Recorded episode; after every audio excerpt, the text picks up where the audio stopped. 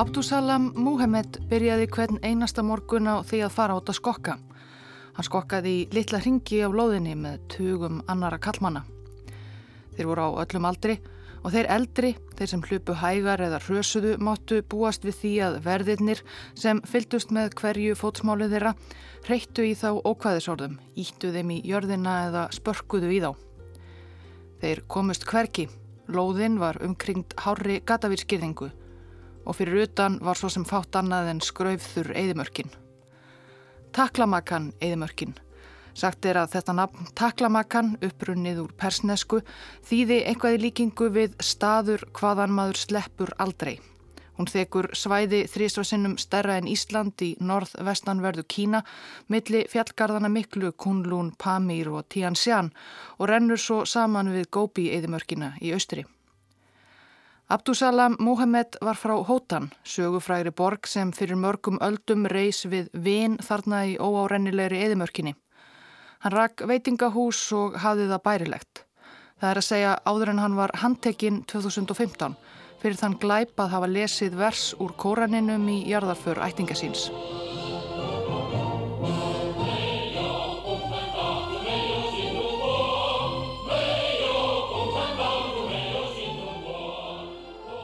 Þegar mennirnir voru búinir að skokka nokkra ringi var þeim smalaðinn í stóra aðalbygginguna, gráleitt steinhús skreitt æbandi rauðum slagorðum.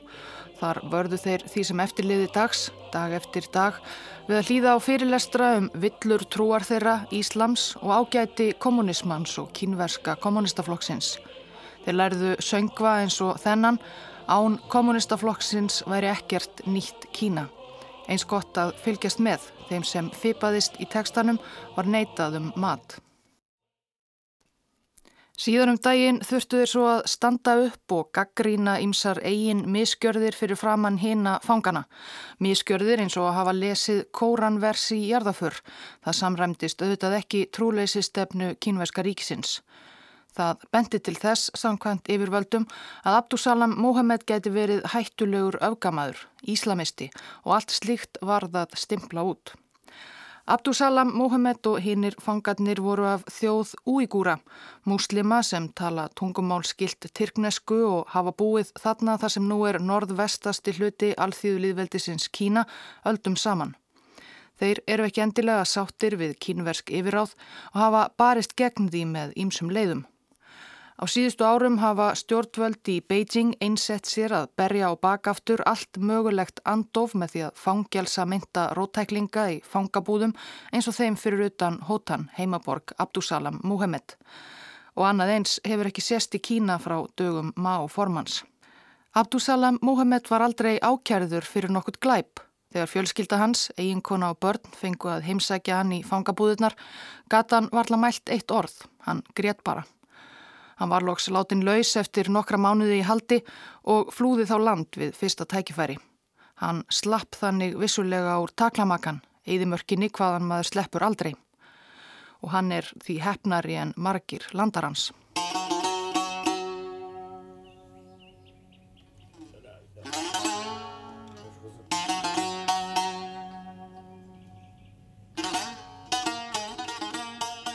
Af öllum rúmlega 30 stjórnsýslu einingum Kína er sjálfstjórnar héræðið Xinjiang það langstesta. Héræðið tegir sig frá Tíbet í suðaustri til landamæra Kína Kazakstan í nordvestri, meira en 1,6 miljónir ferkilometra á stærð við Alaska eða Íran. Xinjiang er jafnframt eitt það strjálbílasta. Á þessu flæmi öllu búa ekki nema um 22 miljónir manna dropi í kínverska mannhafið. En það er stærstur hluti landsvæðisins torbíl mönnum. Þetta eru fjallgarðar og eðimerkur. En í eðimerkunum eru líka vinjar og þar hefur fólk búið árþúsundum saman. Þar á meðal fólkið sem við í dag kallum því þjálanafni úígúra. Í reynd eru úígúrar líklegast blanda af ímsum tyrknesku mælandi hyrðingathjóðum sem lengi hafa haldið til á þessum slóðum. Á áttundu og nýjundu öld var til svo nefnt úígúra kanveldi, bandalag nokkura hyrðingja ættbálka sem stjórnuðu talsverðu landsvæði í miðasjú. En eftir að það leiðundir lok voru til nokkur skamlíf úígúra konungstæmi en nafnið úígúrar var svo nær ekkert notað í næri því þúsund ár. Það var ekki fyrir ná ofanverðri 19. öld sem að Tyrknesku mælandi íbúar þar sem þá var orðið að norðu vestanverðu Kína fóru að kalla sig úígúr á ný í höfuðið á glæstum forfæðrum sínum. Áður hafði þetta fólk gengið undir ímsum nöfnum. Kínverjar kalluðu þá ímist bara Tyrki eða Múslima því flestir þeirra hafðu tekið Íslamstrú þegar trúbóðar fóru þarna um á liðnum öldum. Eða þá að þeir kalluðu þá miður falleiri nöfnum eins og Tuskuhausa eftir túrbönunum sem þeir sveipuðu um höfuð sér. Xinjiang, nafnið sem kínverjar gáfu hér aðinu að endingu, þýðir ný landamæri eða ný útmörk. Þetta er ekki bara stærsta héræðið í Kína heldur einning eitt af síðustu landsvæðunum sem kynverjar bættu við heimsveldi sitt. Það var um miðbygg átjóndu aldar á dögum Tsing keisarættarinnar þeirrar síðustu. Þá voru fleiri þjóðir á þessum slóðum en þær tyrknesku úr ímsum áttum. Mongólsku mælandi bútískir hyrðingjar, svo nefndir djungarar, höfðu til að mynda komið úr norðri og komið sér fyrir á þessu svæði sem síðar fekk nafnið Xinjiang. Þeir voru öflugir og aðsópsmiklir, nutu stuðnings trúbróður síns 5. Dalai Lamans í Tíbet og það andaði ansi köldum eða djungara og úígúra sem þarna höfðu verið fyrir. Um 1755 byðluðu þeir síðar nefndu til nágranna síns, keisarans í Kína, um að koma sér til aðstóðar og rekja djungara aftur til síns heima. Tianlong, þáverandi keisara Ting-ættarinnar, var það ljúft og skilt enda alltaf til í að bæta við sig landsvæði. Hermenn kínakeisara flettu svo fram af mikilli hörku og slátruðu bókstaflega tjungurunum hvar sem þeir funduð á. Orðið þjóðarmorð er gerna notað um þessa atbyrði í nútíma sagnarítun. Reyndar þóttu mörgum hermönnum Tianlong kínakeisara víst fyrirmæli hans svo grimmileg að þeir áttu erfitt með að framfylgja þeim. Sjálfur saði keisarin Sýni þessum uppreysnarseggjum enga miskun. Einungis ætti að hlýfa öldruðum og sjúklingum. Fyrri herrferðir okkar hafa verið of miskunsamar. Slátrið þessum slóttuðu djungurum. Trúið engu sem þeir segja. Mörg hundru þúsund djungurum var útrýmt á nokkrum árum, ef ekki hátt í miljón manns og stóri hluta búsvæða Xinjiang voru á eftir rústir einar, ekki nema sviðin jörð svo það tók heilu mannsafitnar að endurbyggja. En hann kínverjar sem voru og eru meiri hluti íbúa Kína þó svo að Tsing keisarættin hafi sjálfur sér ekki verið hann kínversk heldur frá Mansjúriu í norðri svo aðrar þjóðir sem voru keisarannum þóknanlegri fengu þá að setja stað á gömlum lendum tjungarana og þar á meðal voru líka úígúrar sem höfðu jú svo lengi búið á þessum slóðum og voru nú lausir undan oki tjungara. En þeir áttu eftir allt saman ekki eftir að eiga sjötagana sæla undir keisaranum í Kína.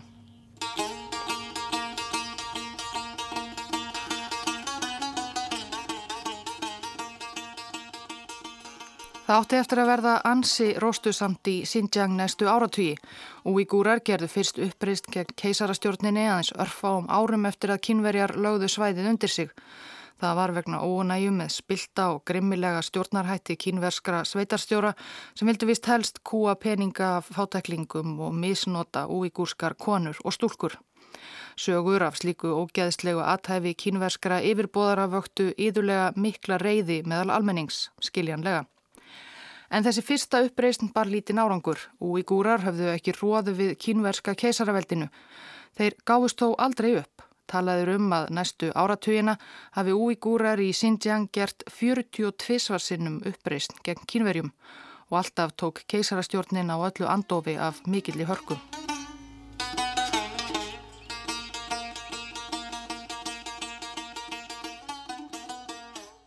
Það voru svo ekki einu sinni alltaf bara úígúrar sem risu upp. Það byggu fleiri þjóðir og þjóðarbrota á þessu svæði sem kínverjar hafðu ákveðið að leggja undir sig og voru heldur ekki sérstaklega sátt við kínversk yfiráð. Upp úr 1864 risu ímsar muslimaþjóðir í norðvestanverðu Kína upp undir stjórn áhrifamikils æfintýramanns Jakub Beg sem var líklega sjálfur Tatsiki eða Úsbeki.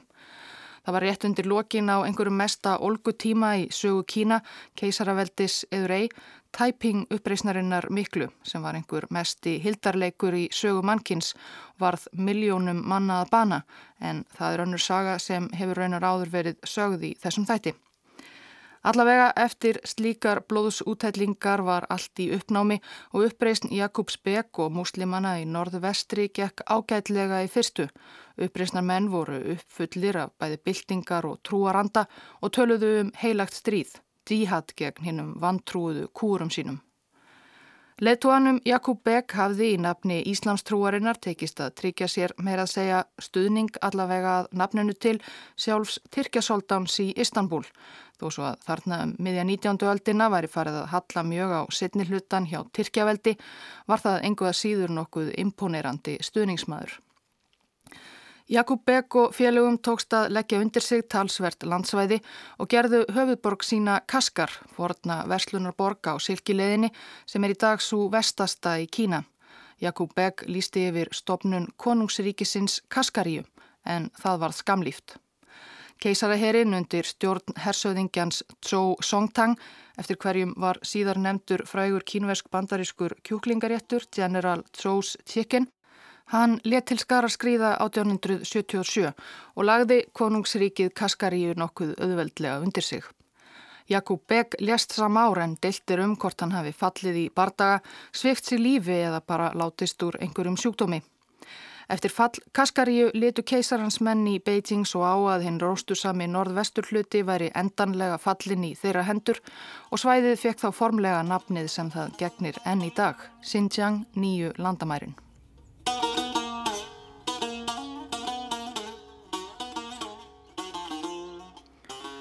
Það var þó ekki þannig að við þetta eru tilveran einfaldari þarna á útmörkum Kína.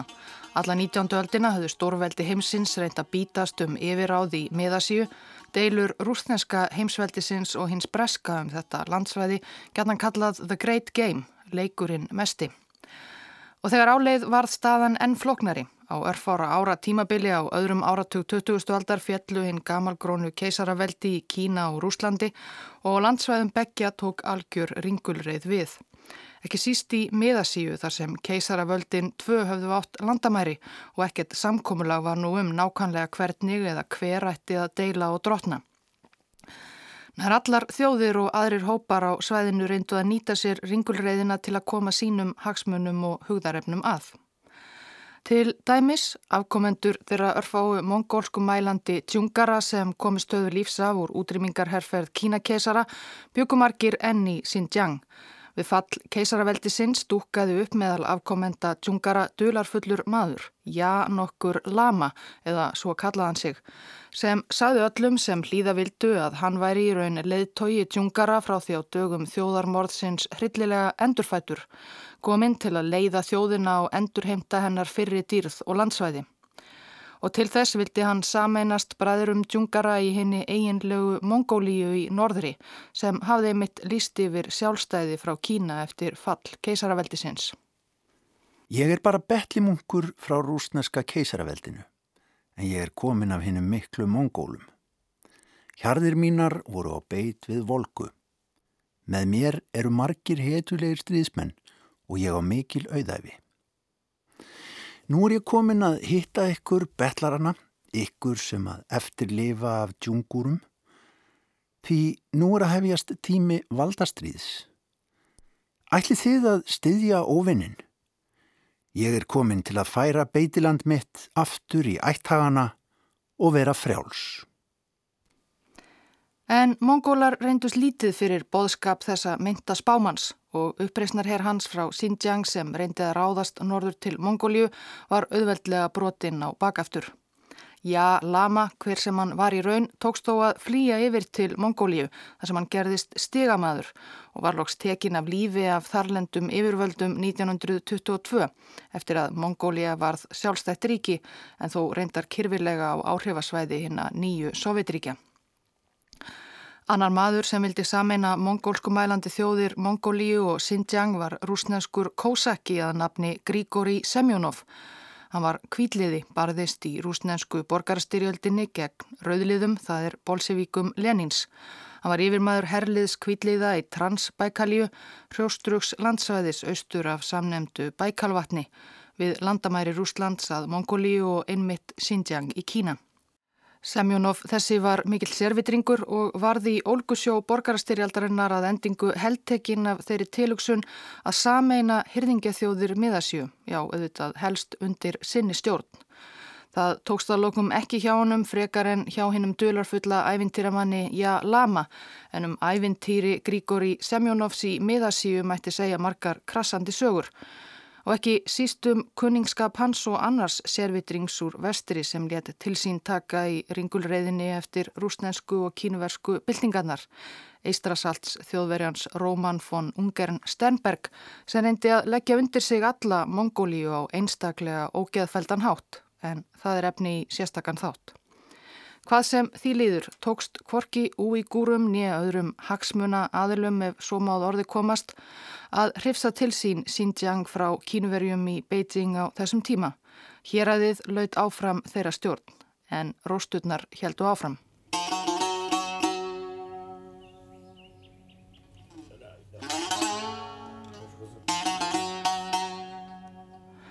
Tvísvar í sögu 20. aldarinnar var það þó nærið því orðið svo að úígúrar í norðvestanverðu Kína hefðu fengið sitt eigið ríki eða það varð eiginlega í bæði skiptin en aldrei til lengdar.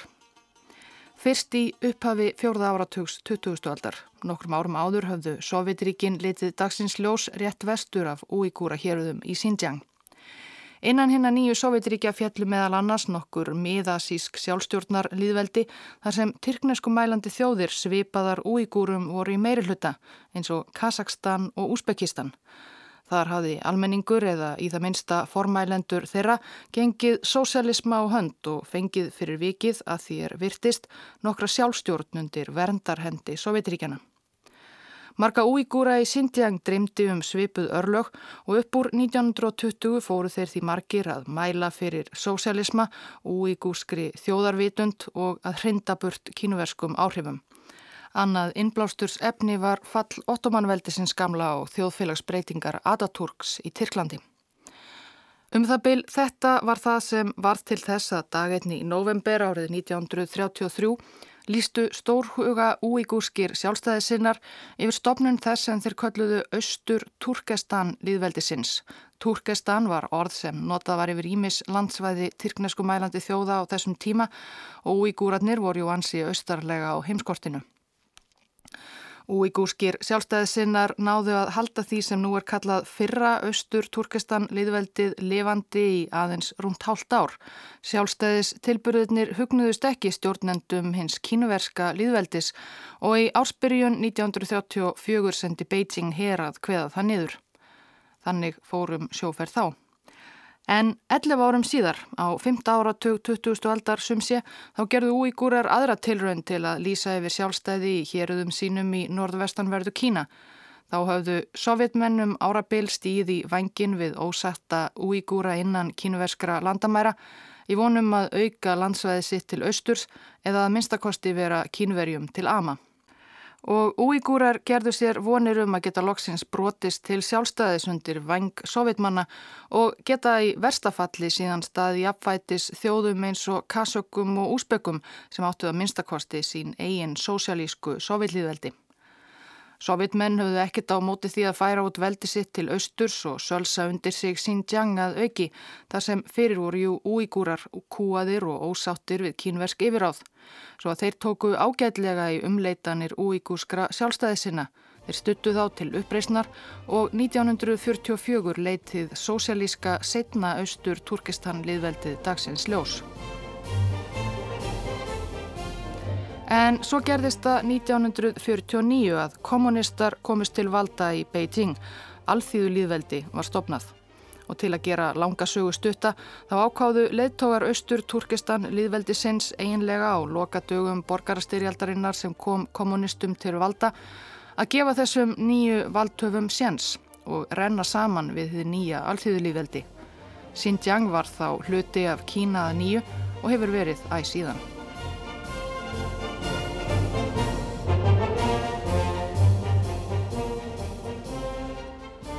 Það er ekki sérlega erfitt að sjá af hverju stjórnvöld lengst austur í Beijing hafi og hafi lengi haft áhuga á Xinjiang þó það sé þurft og afskjökt og strjálbílt.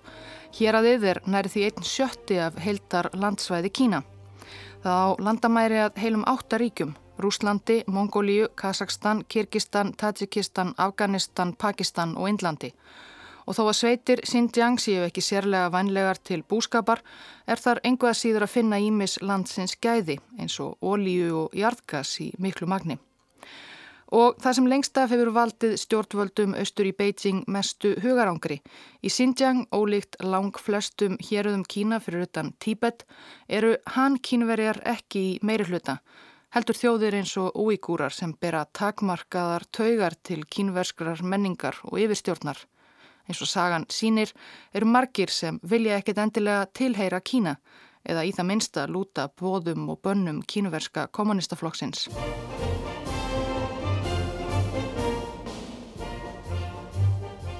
Til að breyta þessu, til að tryggja sig í sessi við nýju landamærin Xinjiang, reðst kínuverski kommunistaflokkurinn í aðgerðir svipaðar þeim sem Qing keisarastjórnin reðst í eftir að þeir slátruðu mongólsku djungurunum á átjánduöld Kvatti hann kínuverska þegna sína annar staðar að í landinu eindreið til að setjast að í Xinjiang, sendi fólk til að vinna í versmiðjum og stórbúum eða lokkaði fólk þangað með atvinnutækifærum og ívilnunum.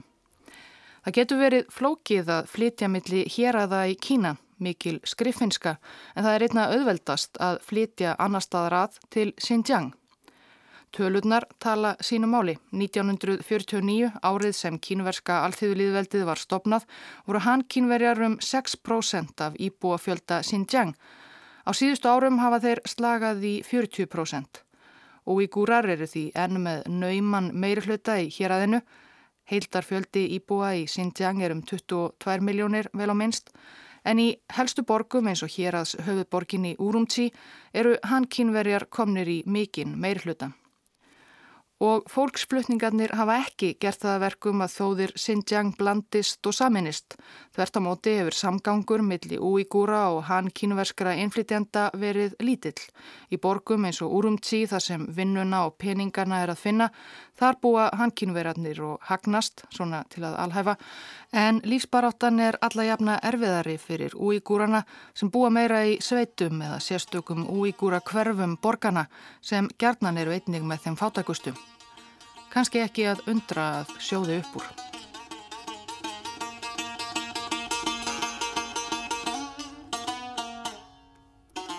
Það er nokkuð líklegt ágæti hlustandi að þú hefur aldrei heyrt á stærsta leikfangaframleðanda jarðarinnar nefndan. Það er nefnilega ekki Lego eða Mattel eða Hasbro heldur fyrirtækið Early Light frá allt öðrum enda Kína en hér hefur verið til umræðu þeim síðsta Hong Kong.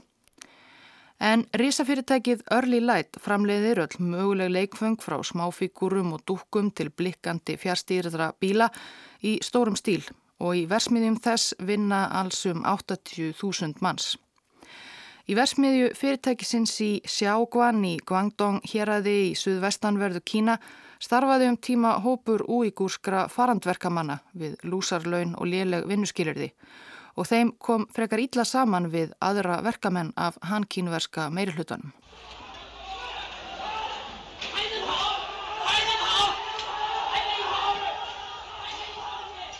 Aðfaranótt 27. júni 2009 sögð upp úr á heimavist starfsmanna Early Light í Xiaoguan.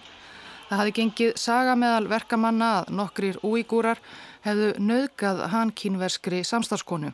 Allir úígúrarnir neituðu sök og lauragla fann ekkert orðurómnum til sönnunar en kínverjarnir svöruðu einhverða síður fyrir sig með því að ráðast inn í vistarverur farandverkamannana næturirlægi með barefli og sveðjur á lofti. Tugir úígúra voru særðir alvarlega og að minnstakosti tveir myrtir. Fjögur hundruð lauruglumenn þurfti svo til að kveða nýður óbeldisvallið.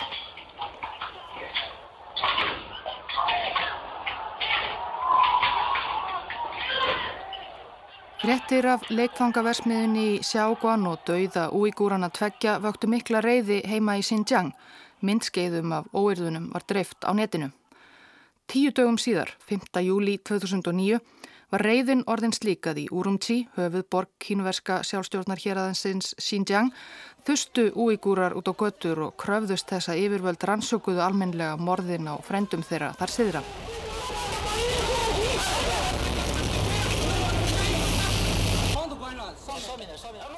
Fyrst voru það nokkur þúsund manns fyrir framann gamla basarinn í Urumqi sem mótmæltu friðsamlega. Það var þegar kvöldatókað sögð upp úr. Friðsæl mótmæli urðu að óerðum og átökum. Hvernig það skeiði nákvæmlega er deiluefni. Markir mótmælendur fullirtu að lögregla upp til hópa skipuð hann kínverjum hefði ráðist að þeim fyrir var á tilefni slaust. Yfirvöld sáðu á móti að mótmælendur hefðu gerst óbældisfullir. Kanski er þið sanna einhver staðar þarna á milli. Það er að minnstakosti ekki hægt að neyta því að kvöldið 5. júli 2009 logaði gamla silkileiðarborgin Urumqi. Hópar reyðra úígúra gengu berseskangum borgina og réðust á allt sem fyrir varð, brendu bíla og brutur úður og réðust bæði á öryggisveitir sem og óbreyta saglösa hankínuverska nágranna sína.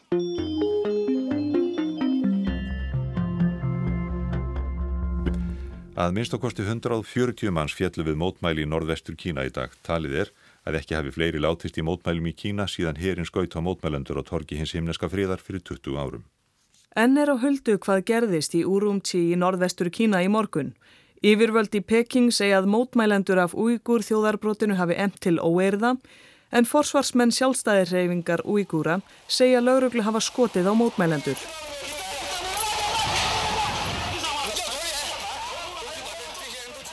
Svo sneru hankínverskir borgarbúar vörn í sókn og réðust í hópuminn í hverfi úígúra í borginni, gráir fyrir hjárnum og hunsuðu tilmæli lauruglu og borgaryfirvalda um að halda þessir höndum. Hann kínverjar ruttust í gegnum varnarveggi lögreglu inn í hverfi Vígúra í norðvestur Kína til að hefna fyrir skemdarverk gerdagsins. Yfirvöld óttast frekari óerðir og hafa sett á útgöngubann.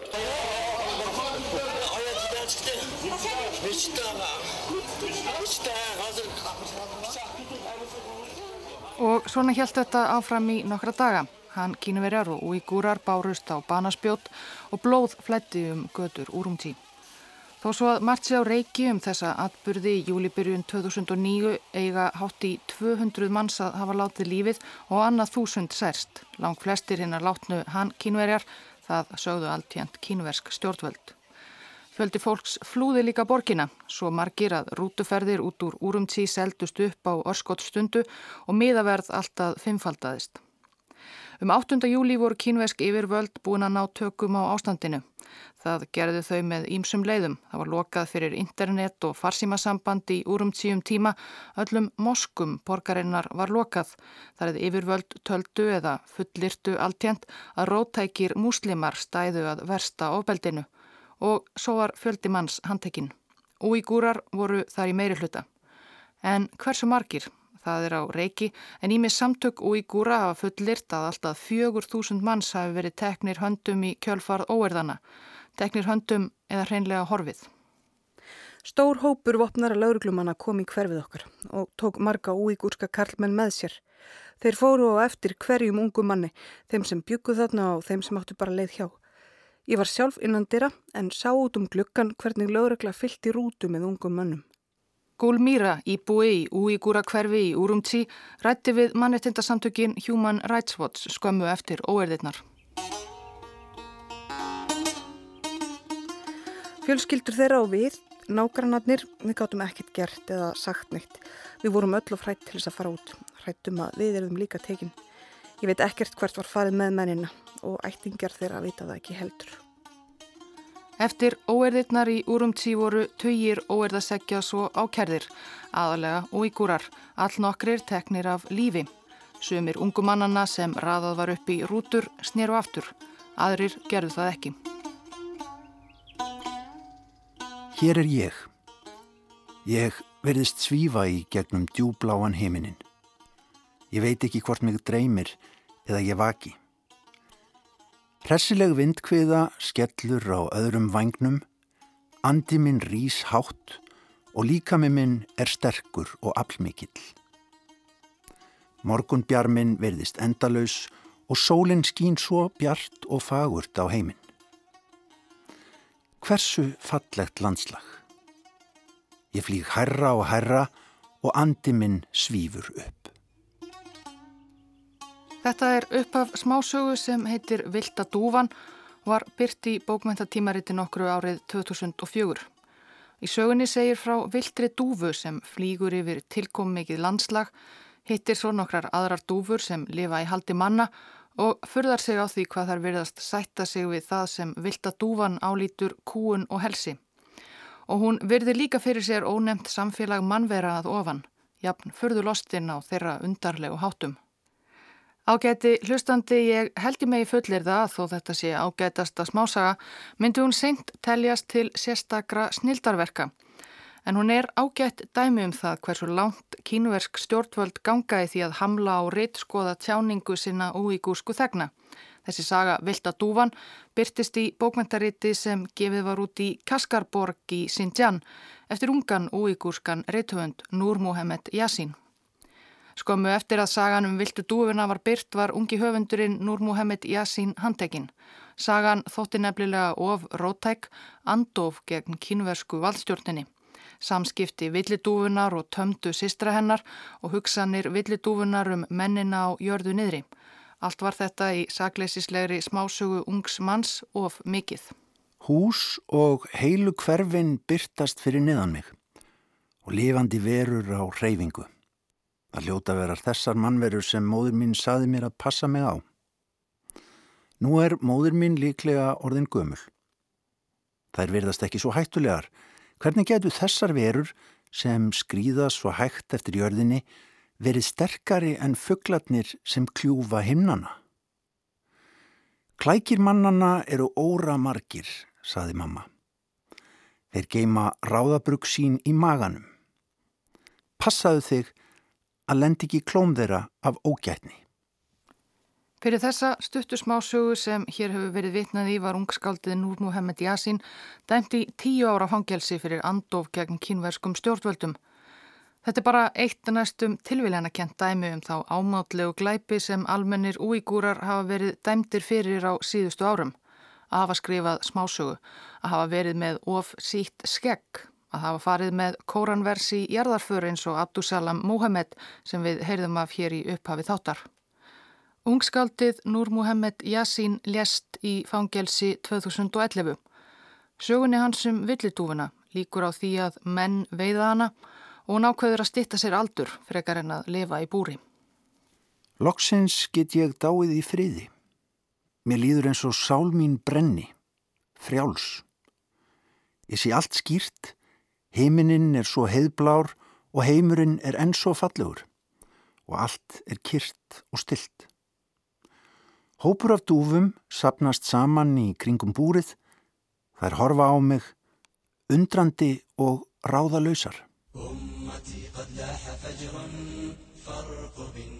Kínversk stjórnvöld hafa jafnan borið fyrir sig á síðustu árum að ástæða harðstjórnar þeirra gagvart úígúrunum í Xinjiang sé svo að margir þeirra aðhyllist öfgafulla tólkun á Íslamstrú, jável herskáa, stiðji íslamska hriðverkastarsemi. Því verður ekki neitað hér að fjölmörg dæmi er um að kínverskir úígúrar hafi einmitt aðhyllst herskáa tólkun á Íslamstrú og stundað hriðverk. Dæmi eru um það bæði innan Xinjiang og utan. Nokkur fjöldi úígúra gekk til dæmis til liðs við hriðiverkasamtökin sem kendu sig við Íslamst ríki þegar þau voru upp á sitt besta í Írak og Sýrlandi hér um árið.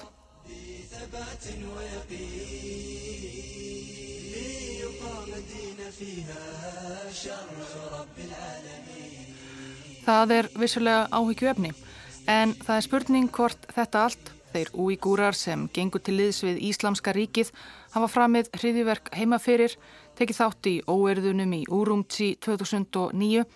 Hvort það réttlæti þá meðferð sem yfirvöld lengst austur í Beijing hafa síðustu árin fyrirskipað að úígúrar skuli beitir.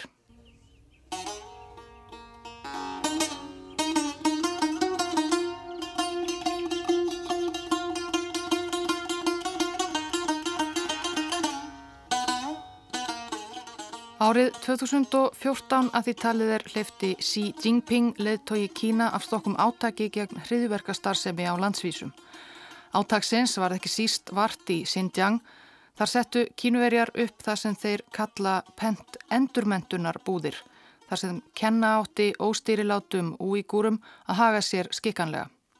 Það var í slíkum búðum sem Abdusalam Muhammed var látin skokka og læra kommunistasöngva utanbókar. Hann var að endingu látin laus og gætt sagt vestrænum fjölmiðlum frá reynslu sinni en hann er undantekningin. Við vitum lítið um það sem framfer í þessum búðum vegna þess að fáir verða að sleppa þaðan og fá að segja sögu sína. Fjölmiðlar eða félagasamtök fá svo sannarlega ekki að skoða búðirnar eða kannamálið á annan hátt. Við vitum ekki einu sinni hvað þessar endurmentunar búðir eru margar eða hversu margir úígúrar eru látnir dúsa þar án dóms og laga. Mannirtinda samtök hafa giskað á eitthvað á bylinu 1 til 3 miljónir manna sem gerir þetta einhverjar umfangsmestu aðgerðir kínverskra stjórnvalda gegn eigin þegnum frá dögum má formans.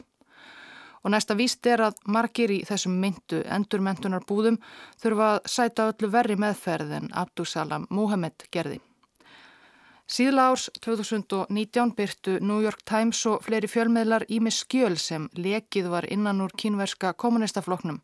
Leðbenningar um rekstur fangabúða fyrir úígúra og aðra óæskilega og hvernig ætti að standa að endurmentun þeirra og hvernig að dilja raunverulegan tilgang fangabúðana og fría kommunistaflokkin ábyrð. Þetta eru fjölmörg skjöl, þar kennir Ímessa Grasa. Það er meðal annars tilvitnun í sjálfan Xi Jinping, leðtoga kínuverska kommunistaflokksins og þar með alls Kína. Við verðum að vera harkalegir gagvart þeim, sagði hann víst einhverju sinni um úígúrsku þegna sína. Við megum ekki sína þeim neina miskun.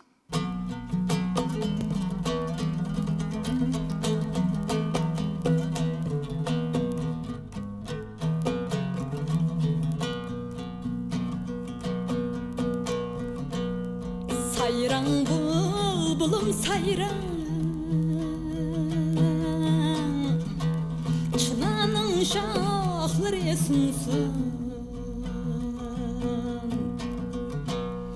Sayran bulbulum sayran Çınanın şahları esinsin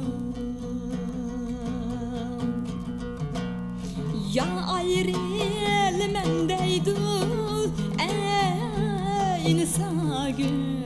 ayrılıp könlü yetinsın Ya ayrıl mendeydu ey insan gül Ayrılıp könlü yetinsın